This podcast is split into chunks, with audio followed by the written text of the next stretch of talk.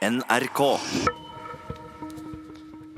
Hei, du hører på Radio Dukk. Tenk deg at du er anklaget for drap, og politiet blir mer og mer sikre på at det er du som har gjort det. Og så skjer det ting som snur alt på hodet. Både politiet og han de trodde var skyldig, lærte veldig mye av saken som denne dokumentaren handler om. Og det er jeg, Kjetil Saugestad, som har laget den. Lærepenge og falske tusenlapper vant Pri Radio i 2011.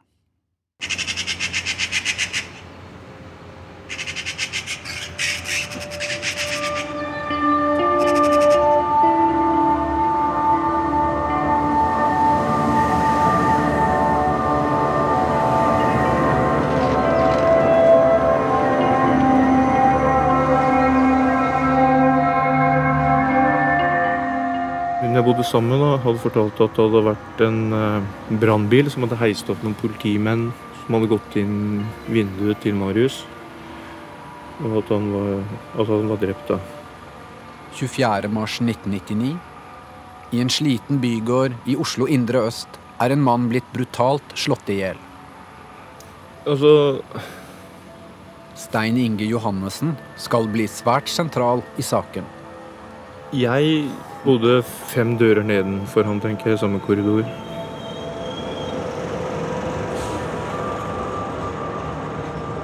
I en annen hovedrolle den unge og uerfarne politietterforskeren Ole Jakob Øgland.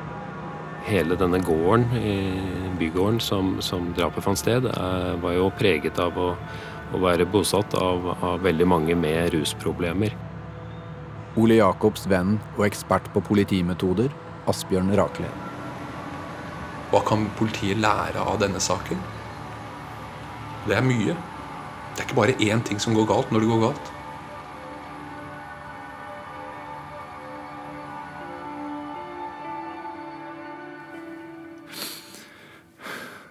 Når Marius ble drept, altså, ble jo, altså alle naboer blir jo havner jo i, i avhør.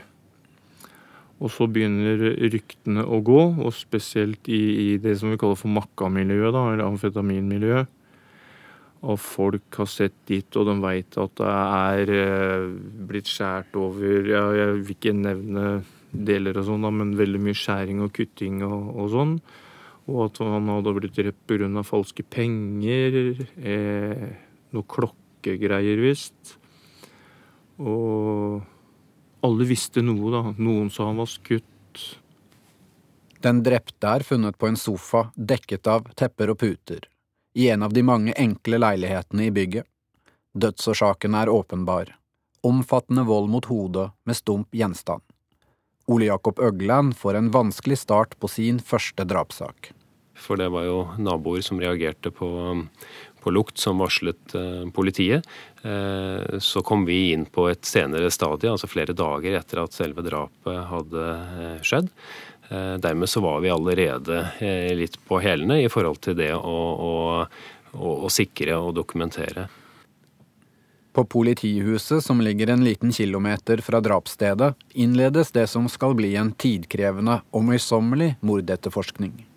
Nei, Det var et veldig vanskelig eh, miljø å etterforske i. Altså, jeg tror vi har, eh, hadde en ca. 150 avhør eller noe sånt eh, i dette, dette, sakskomplekset. Og de aller fleste kom fra eh, rusmiljøet. Eh, og vi måtte ut og hente disse personene og finne de fram. Og, og når man da hadde fått de inn, så, så, eh, så var det også en utfordring å, å få en, en, forklaring som vi, vi kunne kontrollere. Da politiet har en unnskyld at jeg sier det, veldig veldig vanskelig jobb med, også, med også, å, å, skal prøve å avhøre folk som går på amfetamin. For det er, det er en verden som uh,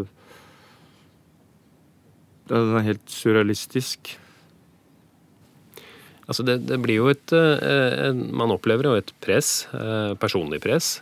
Ikke minst fra når kollegaer spør Eh, men også venner, bekjente, familie vil jo stille spørsmål til eh, eh, hvordan det går med saken din. Man kjente jo til at, at jeg var hovedetterforsker på den, og etter hvert så hadde vi også dette etterlyst programmet på TV, hvor vi da presenterte saken i håp om å få inn tips.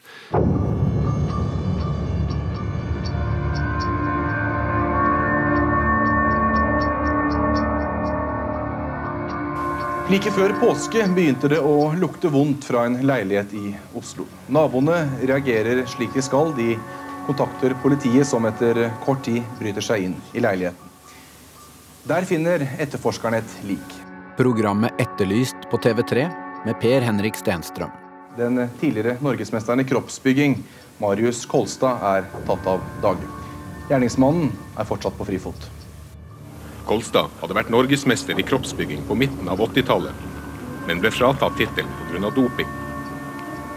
Da han ble drept, tilhørte han et miljø preget av narkotika og vinningskriminalitet. Politiet kjenner til at Marius Kolstad har vært i besittelse av eh, falske pengesedler tidligere. Og skal, han skal også ha vært innblandet i eh, narkotikahandel, altså da i, på gatenivå. Og har du opplysninger om drapet, ring Etterlyst 2300 5110. Nå hørte vi det ringer det umiddelbart fire-fem telefoner her. Får håpe du kommer ut av det.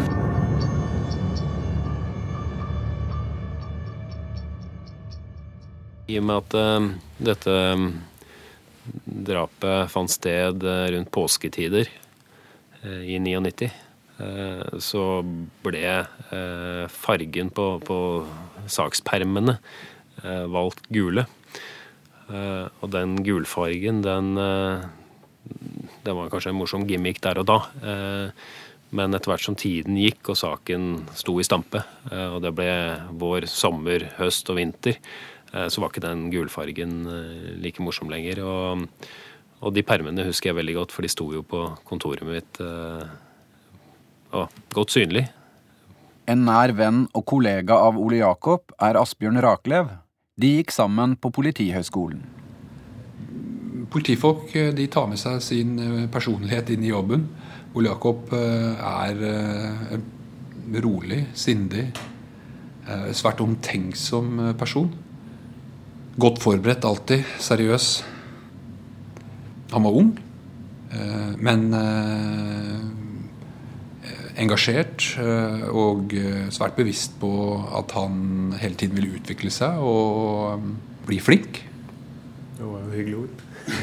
jo, men det, det, som er helt sikkert, er at Ole Jakob fikk for mye ansvar for tidlig. Det har begynt å nærme seg ett år etter drapet uten noen løsning. De mange avhørene og tipsene har ikke gitt noen klare spor eller teorier. Vi fikk jo tilført eh, svært mange eh, etterforskere innledningsvis. Så det var folksomt rundt bordet når vi satt og diskuterte sakene. Vi hadde mange avhørere.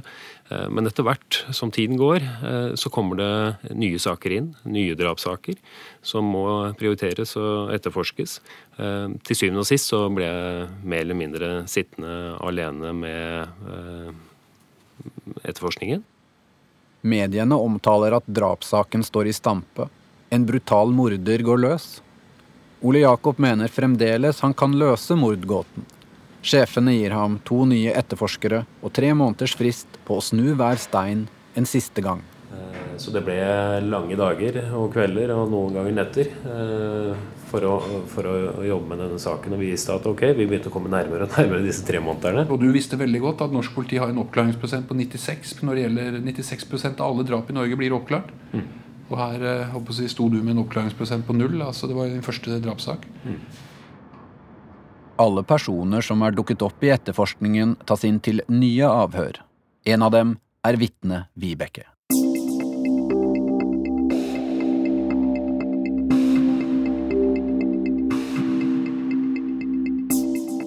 Mens en kollega gjennomfører avhøret, kan Ole Jakob underveis lese det hun sier, som fortløpende skrives inn på PC.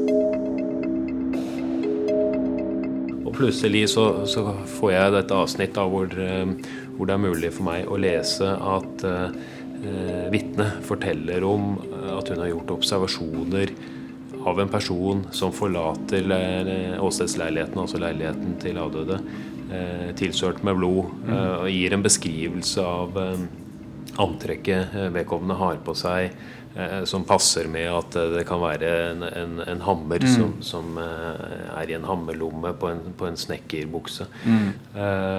så det blir jo litt sånn gjennombrudds Ikke bare litt, det blir en veldig gjennombruddsfølelse som jeg opplever når jeg sitter og leser dette.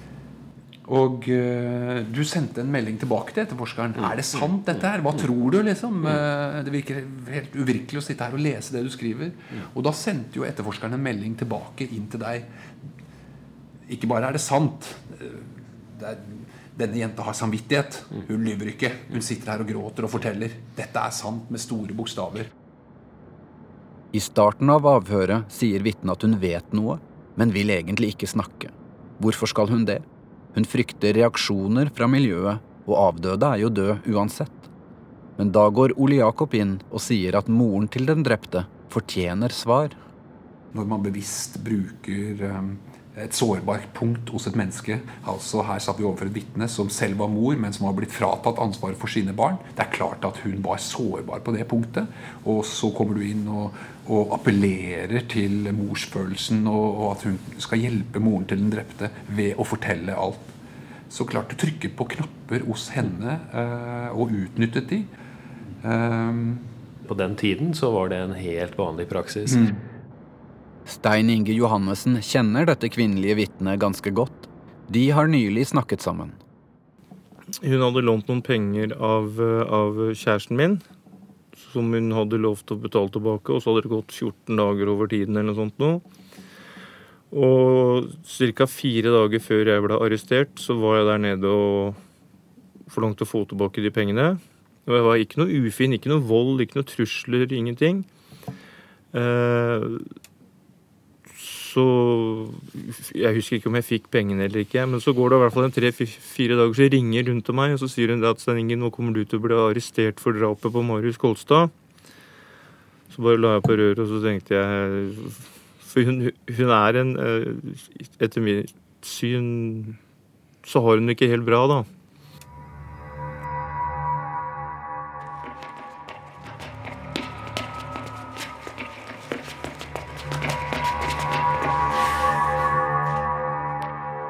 Jeg satt på kjøkkenet. Det var i Dørres gate 3. I tredje etasje, tror jeg. Og så var det meg og hun jeg bodde sammen med, og to andre kamerater der. Vi satt sikkert og planla et eller annet uh, hyss, for å si det sånn. Mm.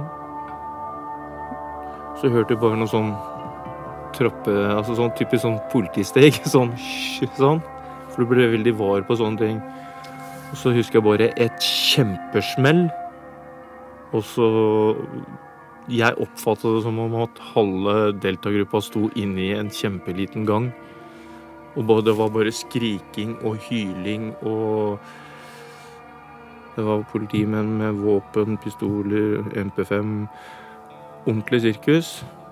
Og så husker jeg at jeg fikk en sånn enorm ro i kroppen.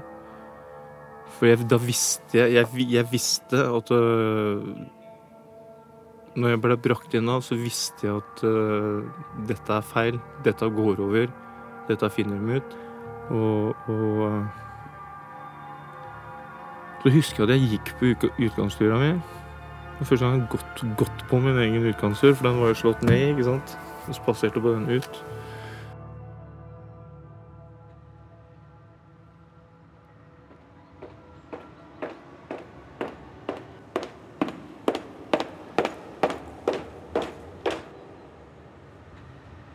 Stein Inge er 34 år gammel og har sonet flere dommer for svindel og vinningsforbrytelser. Tidligere har han drevet eget firma og vært familiemann, før han havnet på kjøret.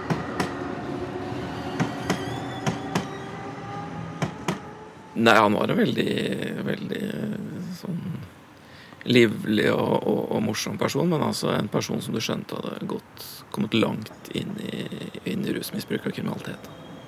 Stein Inges faste forsvarer er Øystein Storvik. Han hadde ikke noe sånn aggressivt ved seg i det hele tatt. Han hadde denne hektiske amfetaminpreget på, på, på, tilværelsen sin. Men ikke noe vold, ikke noe sånn. En type fyr som på en måte flykta fra noe, som egentlig ikke så seg tilbake. Det var liksom det inntrykket man fikk.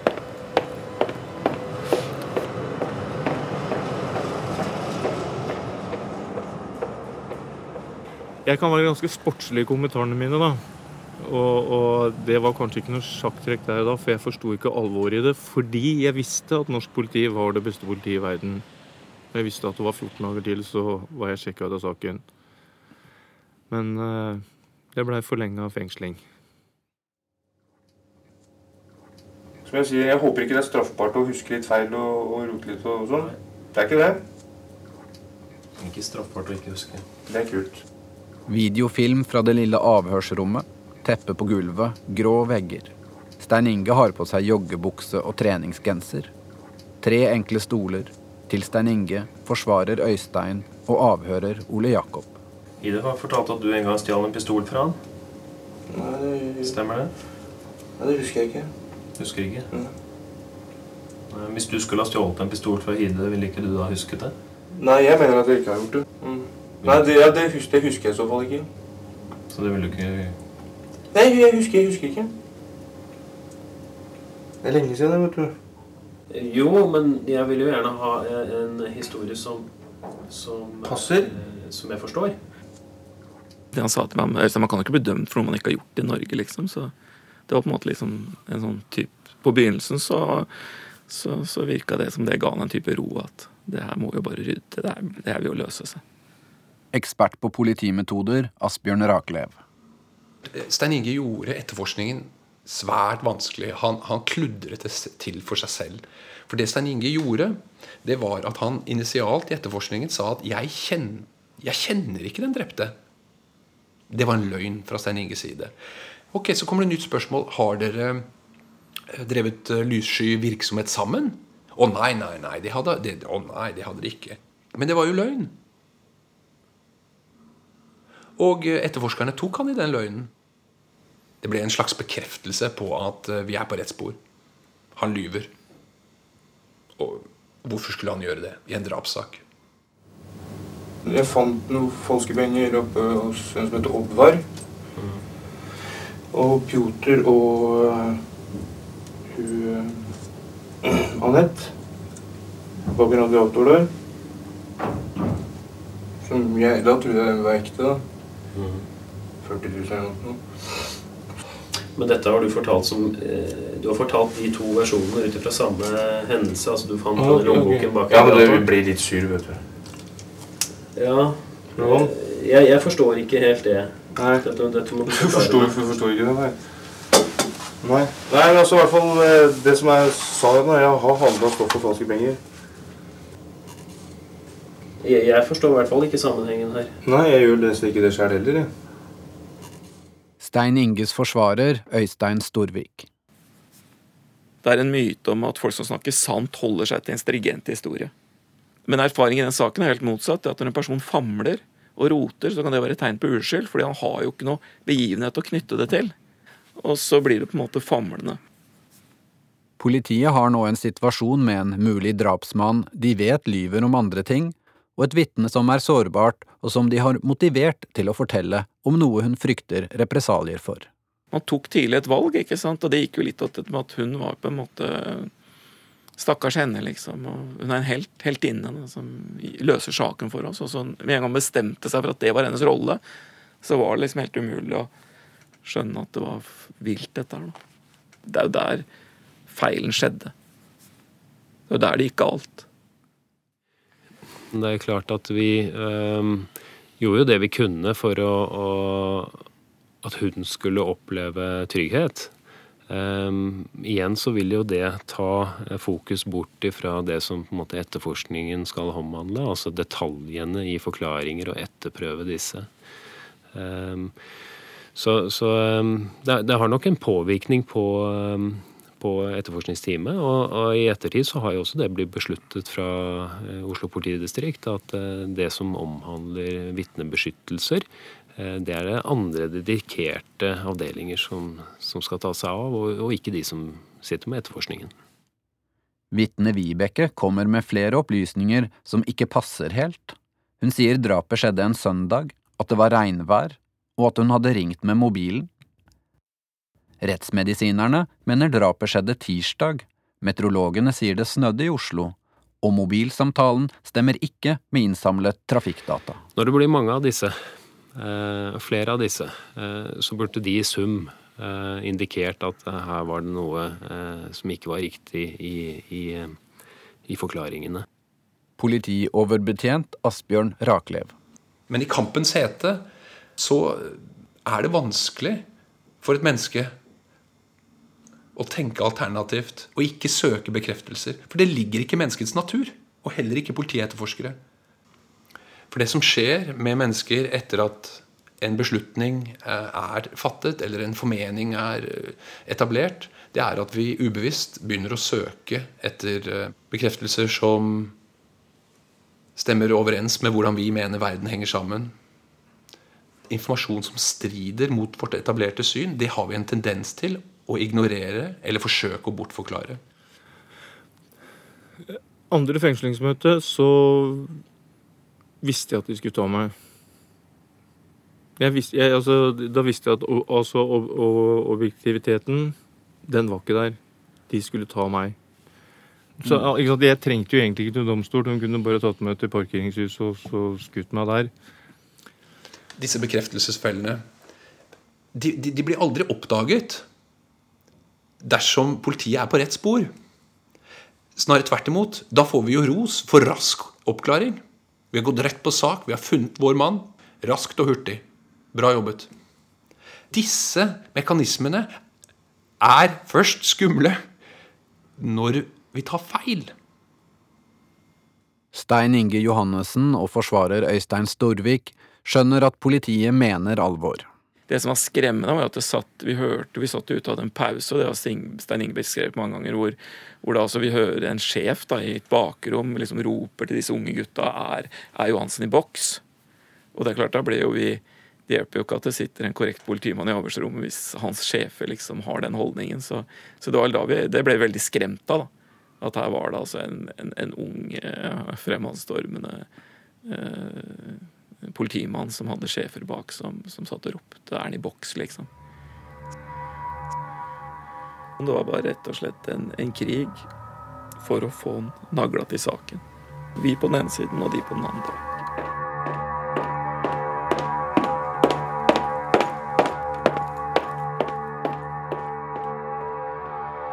Avhørsrom, Grønland politistasjon. Men jeg vil spørre deg, hvorfor forklarer du deg altså endrer din forklaring etter at du endrer... like før har bedyret at nå har du sagt alt, og så kommer det en helt ny historie. Ja. ja jeg er jo kriminell, da. Ja, men Er det et argument? At du er kriminell? Nei, men jeg, jeg er kriminell. Jeg, jeg, har, jeg har gjort mye faenskap, da. Men Stein Inge, vi har hatt gjentatte politiavhør, og jeg har ikke sittet og dreitet der Nei, du, nei da, du har ikke gjort det. Du har vært helt snill. Nå er det litt mer trøkk her. Nå ser det litt mer sint ut. Nei, men jeg, jeg, nå ønsker jeg forklaring på dette, for dette er muligens, som ikke siste, så et av de siste avhørene. Mm. Jeg, jeg, sier rett ut til deg nå, det er, det er, diverse kriminelle ting som jeg har gjort. ikke sant? Som, som Jeg kan ikke si det er frivillig. og så... Jeg, jeg, jeg håper du har en liten forståelse for det. Altså, hva, Hvordan skal du forvente at politiet skal nei, nei, finne deg nei, troverdig? Nei, meg, meg, troverdig? Jeg er ikke troverdig i utgangspunktet.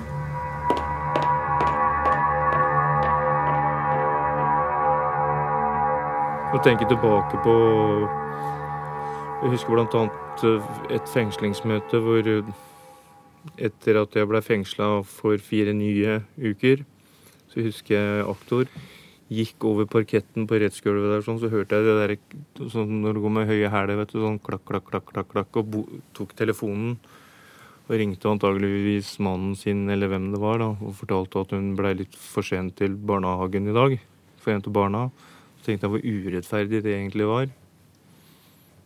Det er jo et, en voldsomt voldsomt svart flekk i den saken. At han ble sittende faktisk seks måneder helt isolert uten kontakt med noen andre enn betjentene i døra og, og forsvareren sin. Så det, det, det preget han veldig mye. Han ble veldig, pre, veldig preget av å sitte seks måneder helt alene med tankene sine.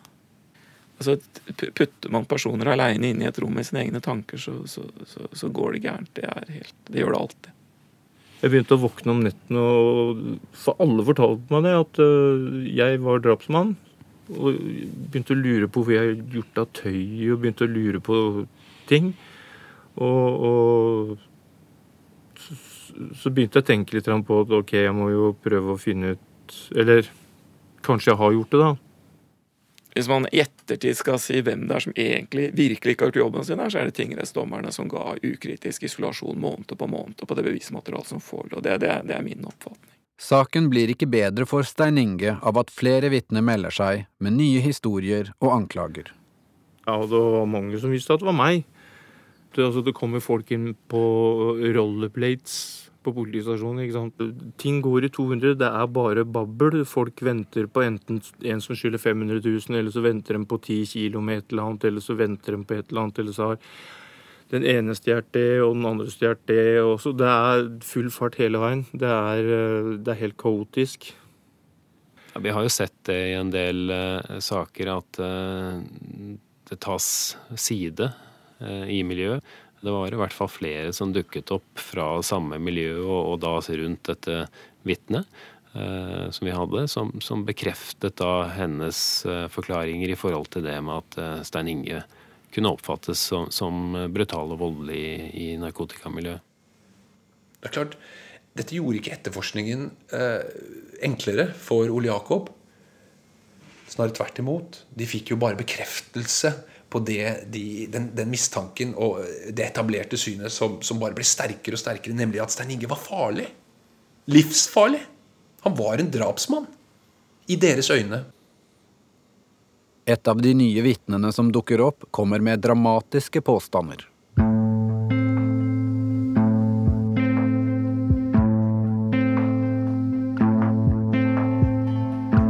Hun beskriver at hun var til stede da Stein Inge var hovedmannen bak en grov gruppevoldtekt av en navngitt kvinne.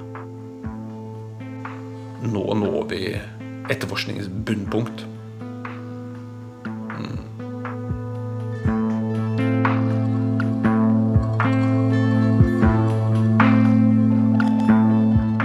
Et par dager, så ringer eh, Øystein opp til meg og så sier han det, nå må du sette deg ned. Så sier jeg jeg ligger nok på senga så jeg kan stå, jeg. Ja, nå har de også sikta deg for en gjengvoldtekt. Da begynte det å skje ting. Da bare slapp jeg telefonrøret, kjente på beltespenna, gikk inn på cella mi og så etter eh, et, et, eller annet sted hvor jeg kunne feste det beltet. For da ville jeg vekk. Til og med det gikk også galt, for det var ikke noe der.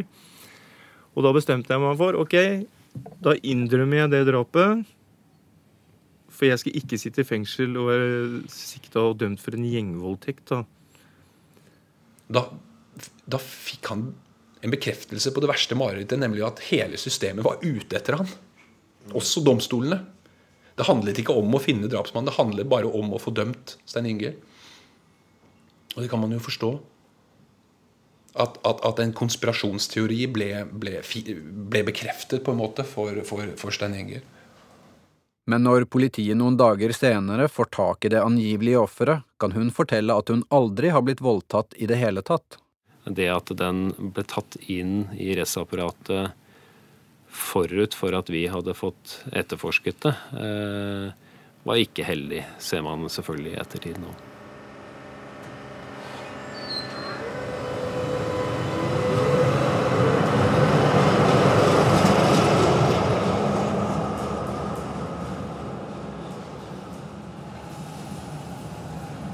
Etter et halvt år i full isolasjon slipper Stein Inge omsider ut i påvente av en kommende rettssak. Han gjenopptar sin gamle livsstil. Vitne Vibeke er flere ganger i tvil om hun vil stå ved sin forklaring. Vitnet som mente at Stein Inge var drapsmannen, sa at hun var redd. Hun ville trekke forklaringene sine, hun. Og da spør politiet hva, hva var grunnen til det. Jo, fordi jeg er redd for Stein Inge, sa hun. Ja, så passet jo det veldig godt i personskjemaet av Stein Inge. Drapsmann, livsfarlig. Dette vitnet, sårbar jente osv. Altså, vi, vi, trodde jo at vi kom stadig nærmere motivet, med, med, i og med at uh, vi kunne dokumentere at uh, Stein Inge ikke hadde snakket sant om, om disse temaene med narkotika og falske celler. Så eh, vi eh, håpte jo på det tidspunktet å, å komme til et punkt hvor, hvor, Stein Inge ville innse at bevismengden var såpass stor at han også ville erkjenne eh, drapshandlingen. Politiet har ikke tekniske bevis i saken, så det avgjørende er hvilke forklaringer og vitneutsagn som er troverdige. Altså Det har vært en myte i norsk politi eh, altså Når jeg eh, vokste opp som drapsetterforsker på voldsavsnittet, så var det jo en myte at eh, de gode avhørerne de kunne se hvem som løy, og hvem som ikke løy, osv. Dette er en myte som ikke bare var i norsk politi, den er velkjent i britisk politi. Eh, Sågar så jobber jo FBI fortsatt etter teorien om at de kan eh, skille sannhet fra løgn gjennom, eh, gjennom avhør. Eh, Men all forskning, og dette er det forsket mye på, viser at verken politifolk, psykologer, dommere eller noen andre eh, treffer bedre enn eh, mannen i gata. Vi treffer omtrent 52% Og da må du huske at eh, hvis jeg kastet kron og mynt, så hadde jeg truffet 50% by chance. Rettssaken om Kolstad-drapet nærmer seg. Påtalemyndighetens sterke kort er vitne Vibeke og hovedetterforsker Ole Jakob Øglands redegjørelse om saken. Men så skjer det noe som forandrer alt.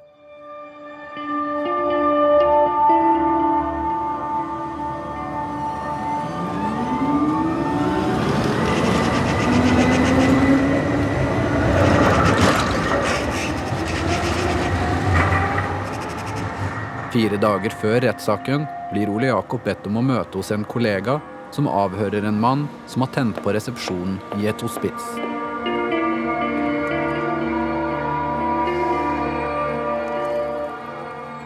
Men jeg gjenkjente han som en av de svært sentrale vitnene i saken. Og, og det fremkom da ganske raskt at han i løpet av natten hadde sagt til en politibetjent at det var han som hadde tatt livet av avdøde. Mm. Og da eh, gikk det jo kaldt gjennom noe med, må jeg si. Jeg forsto jo at dette var viktig å, å sjekke ut grundig. Eh, nettopp fordi at vedkommende var den han var. Hadde vært veldig sentral eh, som en i eh, bekjentskapskretsen til avdøde. Og den første jeg kunne tenke meg å diskutere dette med, var jo Asbjørn. Jeg holdt på med noe helt annet, og, og, og, og du kommer inn eh, litt sånn uvanlig eh, og går rett inn uten å banke på. Og satt deg ned i stolen. Og jeg, du snakket om et eller annet med at han hadde tilstått. Jeg visste jo hvilken sak du snak, eh, jobbet med. eh, eh, så jeg tenkte med en gang at ok, da er Stein Inge tilstått. Da, det var jo, eh, det var jo beleilig. eh, fire dager før rettssaken. Da, da blir det jo enklere å føre, føre den. Og du bare Nei, nei, det er ikke, det er ikke Stein det er en annen, liksom. Jeg vil anta at du husker denne historien bedre enn meg. Ja. Jeg hadde veldig mange tanker i hodet akkurat da. men jeg så med en gang at eh, nå var det et eller annet uh, som du opplevde som, som helt forferdelig galt. Altså, jeg opplevde deg som, som forvirret. Hva er det som skjer, på en måte? Altså, og uh, det er ikke så rart. Du skulle snu da alt det du hadde jobbet med de siste ja, månedene, og for så vidt også år. Eh, Og nå var virkeligheten en helt annen enn den du hadde levd med og skulle presentere for retten. Ole Jakob blir raskt overbevist om at denne gjerningsmannen er den rette. Han forteller i avhør om en hammer og et askebeger. Han kjenner detaljene fra åstedet. Du, du, du opplever jo å miste all ære, og, og at man har eh, på en måte siktet en, en, en feil person eh, for noe han ikke har gjort. I korridorene så var det mm, veldig hektisk. Rettssaken mot, mot Stein Inge skulle jo starte på mandag. Statsadvokaten hadde jo gjort seg klar, og domstolene var berammet. Og det er et svært apparat som vi da måtte ta stilling til. Skal vi stoppe hele, hele prosessen? Så det var mye telefonvirksomhet fram og tilbake. og Forsvarer Storvik. Ja, nei, Det var statsadvokat Bakkevik som ringte meg fredag kveld, og jeg var hjemme og hun sa at vi begjærer saken utsatt for det er en som har tilstått drapet. Så han ganske, ganske kort og greit. Og jeg sa at det går vi aldri med på, for vi mener han skal frifinnes, så jeg kommer til å begjære saken kjørt. Det var det samtalen vår den fredagskvelden. Vi var veldig sånn klare for fight. Påtalemyndigheten får utsettelse, men bestemmer seg raskt for å henlegge drapssaken mot Stein Inge. Hele, hele saken til Stein Inge har vært preget av veldig sånn tristhet, egentlig. Tristhet over å bli beskyldt for noe du ikke har gjort. Det er helt annerledes enn det man tror.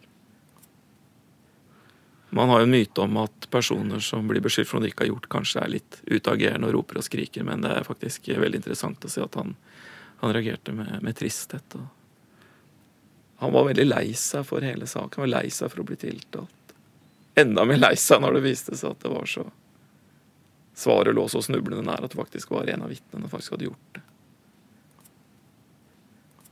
Politiet vil gjerne ha Stein Inge inn til en siste samtale, det blir bestemt at Asbjørn skal ta det i avhøret istedenfor Ole Jakob. Det har vært tre uh, tøffe år. Mm. Det har det. Mm. Det har det, så uh, Jeg håper i hvert fall at alle parter kan dra lærdom av ja. hvordan man Ja, hvordan man ikke skal gjøre det. Mm jeg så at han var blank i øynene, og eh, at han nok ikke var eh, edru. På videoopptaket Stein Inge har blitt mye tynnere, rutete skjorte. Han forteller at han har forsøkt å hate vitnet Vibeke og etterforskningsleder Ole Jakob Øgland.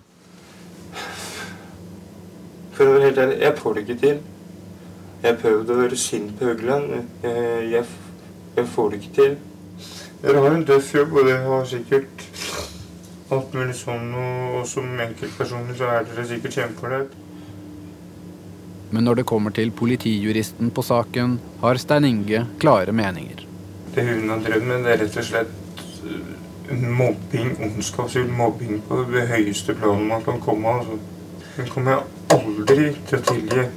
Aldri til å tilgi. Jeg husker jo hvem han på en måte opplevde som, eh, som den som på en måte var mest ute etter han. Men det var jo samtidig politiadvokaten som møtte retten, og som på en måte konfronterte Stein Inge med det systemet jeg hadde jobba fram. Så hun blir jo på en måte den ansiktet på det som ramma han hardest. da. Forsvarer Øystein Storvik er med også i det siste avhøret. Husker du at, jeg husker du, at du snakka når, liksom, når, du var mest sliten på forbud, liksom? Ja. Jeg hadde, Nå har jeg faen meg lyst til å bare innrømme det. Ja. Mm. Jeg hadde drept den. Det er i hvert fall veldig, var i hvert fall veldig interessant for meg, som var så tett innpå Stein Inge på den tida, at det etter hvert så begynte det faktisk å komme opp som et, som et alternativ ut av uføre. Altså. Mm. Hva med dette vitnet som eh, åpenbart eh, pekte ut Stein Inge på feil grunnlag? Eh, vi eh, motiverte vedkommende til å samarbeide og komme med sin forklaring. Vi holdt henne også inne i, i etterforskningen hele veien, til tross for at hun ønsket å, å trekke seg. Eh, Riktignok fordi at hun sa hun var redd. eh, men allikevel så, så var, opplevde nok hun at hun kom inn i en situasjon som hun ikke kom seg ut av. Vi mente jo fra første stund og her hadde hun så mye forhistorie at hun burde ikke vært lagt til grunn som troverdig. Og da tenkte vi at da er det ikke noe poeng å begynne å skulle anmelde henne for falsk forklaring og sånne ting. Fordi det var en Vi mener at alt det der burde man ha sett.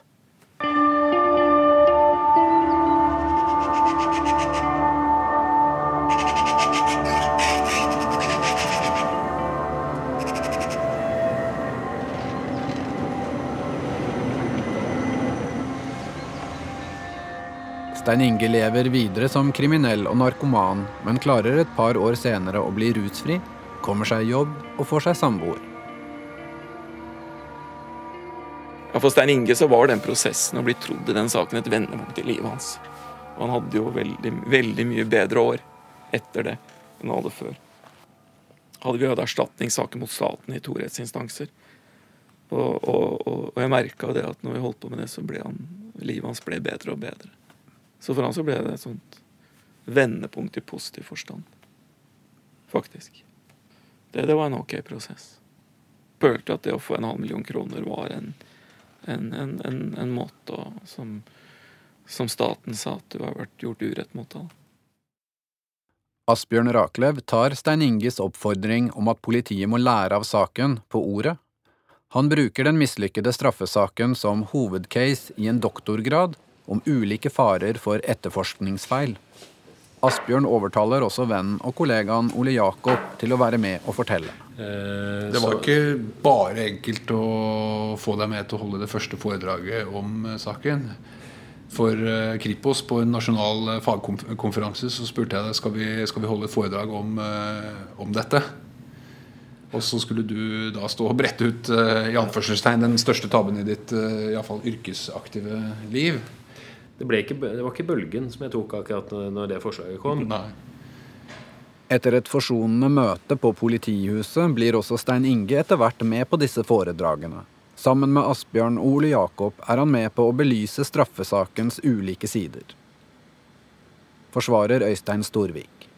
Jeg tror, jeg tror Stein Inge også følte at dette å være med på de foredragene rundt, at han gjorde en stor nytte med å være med på de. Og det er klart at så mye som det nå er spredt i all mulig undervisning, så er det klart det har hatt en effekt. Og særlig det at studenter, politistudenter, har fått møte etterforsker har fått møte en person og høre han snakke om hvordan dette opplevdes, var jo jeg synes, nyttig. Så det er, det er, opplagt en nytte, men det, det, selve de grunnleggende problemene må man jo tenke på hver dag. Bare den enkle lærdommen at et en person faktisk kan stå timevis i politiavhør og rettslig avhør holde fast på at en helt uskyldig person har kommet bloddryppende ut av et åsted, er jo en utrolig viktig lærdom for alle. Sammen med forfatter Roger Pil gir Stein Inge våren 2012 ut en bok om sitt liv, om drapssaken og hva den kan lære oss. Altså, jeg, det er ikke for å skryte av meg sjøl, men jeg, jeg syns jeg har vært ganske tøff. Og så syns jeg at jeg har vært kjempeærlig. Og så har det kosta Foreløpig så har det kosta skjorta, sånn sett, men jeg veit at dette kommer til å bli helt gull. Det må bare få satt seg først, for nå er det planta som frø rundt omkring. Nå trenger vi bare litt regn, og nå er det jo snart sommeren, så begynner det vel å vokse og gro. Og så setter jeg veldig stor pris på at vi fikk lov til å komme hit og snakke med deg.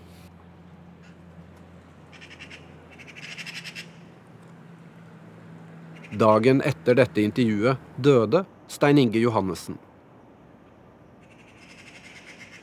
Familien er åpen om at han tok sitt eget liv. Han etterlot ikke noe brev. De etterlatte mener det var riktig å lage programmet ferdig. Skal vi se, Jeg tenkte bare jeg skulle vise dere det bildet som jeg, som jeg fikk fra kollegene mine i, i Bodø. Asbjørn viser Ole Jakob et bilde fra det siste foredraget de holdt sammen med Stein Inge. Eh, jeg brukte det nå. Jeg var i, jeg var i Bergen i forgårs. Det var godt å avslutte med det. Men, eh, men jeg begynte å gråte. Jeg gjorde det. Men det gjør ingenting. Selv om det satt 180 kolleger der. Mm. Så ikke det er fint? Ja. Absolutt. Så liksom kollegaene der ikke sant? og mm. ser på politiskolestudenter. Og så, så ser du en svær, god bamse som, som ler og er happy. Um. Men det er ikke noe tvil om det at på denne tiden så hadde han det vondt. ikke sant? Mm. Men, men, ikke akkurat her og nå, det ser vi. Men han ja. Stein Inge var alltid nervøs når vi skulle inn på politistasjoner og rundt og, og holde disse foredragene. Men han, han syntes jo det var flott å være en del av det. Han syntes det var meningsfullt å, å få lov til å bidra. Så, så, jeg er sikker på at han eh, ønsker å Ja, at kampen for rettferdighet var det han kalte det. Fortsetter.